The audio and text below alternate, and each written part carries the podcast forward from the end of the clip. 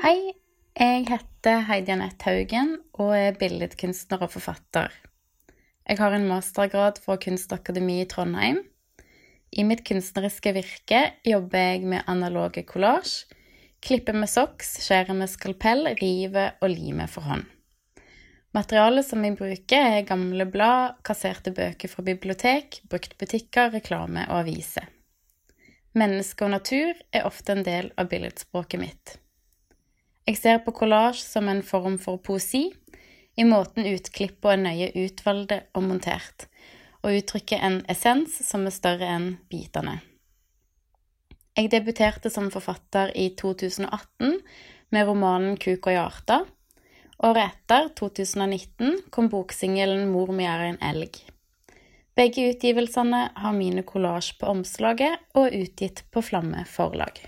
Det som skiller arbeidet mitt fra andre, er at det er skrevet og laget av meg og har mye stemme og språk. Det kan av og til være en fin tanke å huske på i skriveprosessen at ingen andre kan skrive akkurat likt, dermed er hver og en unik i det en skriver. Sara Rosling, svensk kurator, har sagt om mine kollasj at de formidler eksistensielle forhold fra et feministisk perspektiv. Det kan kanskje høres noe pompøst ut, men jeg liker tanken på at det kanskje akkurat det òg tekstene mine gjør. Formidle eksistensielle forhold fra et feministisk perspektiv. Jeg henter inspirasjon fra fantasien, minner, drømmer, samtaler, livet, bøker og filmer. Jeg har alltid likt å dikte historier, og finner stor glede i å leke med ord og misforståelser. Altså når en hører feil, og feilen gjør at en oppfatter noe helt på en annen måte.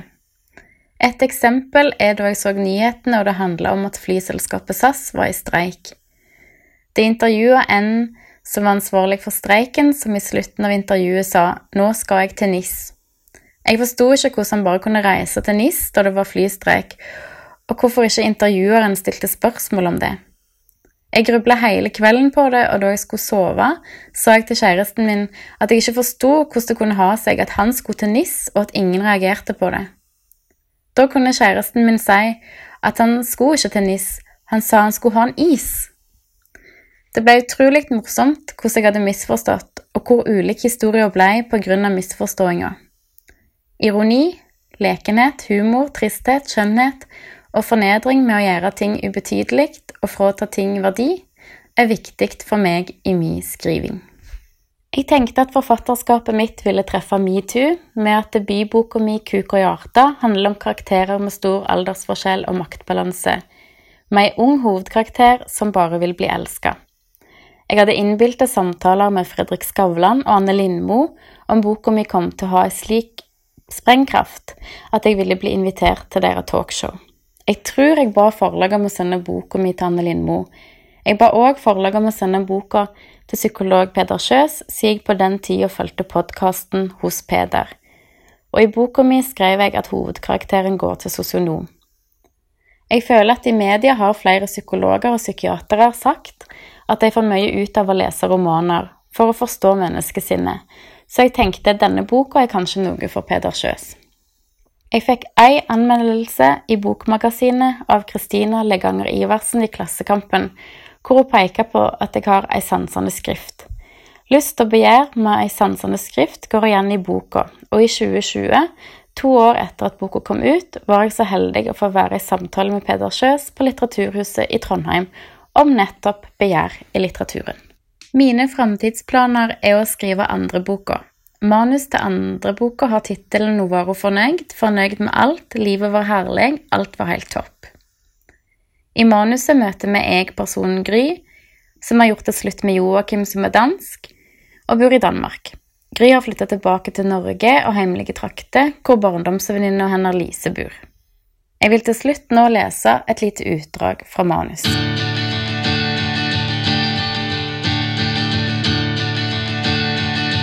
Etter noen dager har jeg det litt bedre og blir med venninna mi Lise og dattera hennes på Leos lekeland. Jeg rutsjer i rutsjebaner, smiler til kamera og dattera hennes. Lise sier inne i ballrommet at det er viktig at jeg bestemmer sjøl hva jeg skal, og at det er ingen andre som skal bestemme. En fot stikker opp blant alle ballene. En unge har klart å sovne i alt levende. På Leos lekeland koster det for barn å komme inn, med den voksne kommer en gratis. Det kjennes godt ut å være stranda her, sammen med de jeg bryr meg mest om. Vil ikke at det skal ta slutt, vil ikke avslutte leiken, vil ikke bli sendt tilbake hvor jeg kom fra. Da Lise og jeg var små, var vi naboer. Det var 600 meter mellom oss. Vi pleide å gå på besøk til hverandre hver dag. Om sommeren var asfalten varm i sola, og vi gikk barbeint på veien, for det var ikke noe fortau. Veien mellom oss var ute på landet, uten svinger, og biler susa forbi i enorm høy fart. Vi holdt alltid i hendene, fordi hvis en av oss skulle bli påkjørt og dø, så ønsket vi å dø i lag. Det er vanlig når kona dør i et forhold, at også mannen dør ikke lenge etter av sorg. Der yngstebroren min leser høyt til meg fra Illustrert vitenskap. For Lise og meg var det utenkelig å leve uten hverandre. Jeg kan ikke leve uten deg, sa Lise. Jeg kan ikke leve uten deg heller, sa jeg. Lise ble for fire år siden vist til en spesialist av fastlegen sin for en føflekk hun hadde på kneet.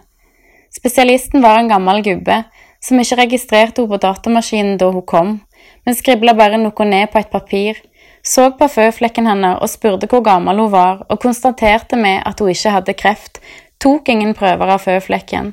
Det gikk ett år før flekken fortsatte å vokse. Lise gikk til legen sin igjen, det var det virkelig ikke tvil, men legen måtte ta en test likevel, om det var kreft. Lise sier er det noe jeg har lært, så er det at det nytter ikke å tenke hva kunne en gjort annerledes. Nå er det sånn, og da må en ta konsekvensene av det. Men jeg kjenner det godt, sier hun, og jeg vet at du er en grubler, så hvis du skulle få en ny kjæreste, så må du finne noen som var snill denne gangen. Og ikke hør på folk som sier at alt vil ordne seg om du bare Et mer blåbær, sier Lise.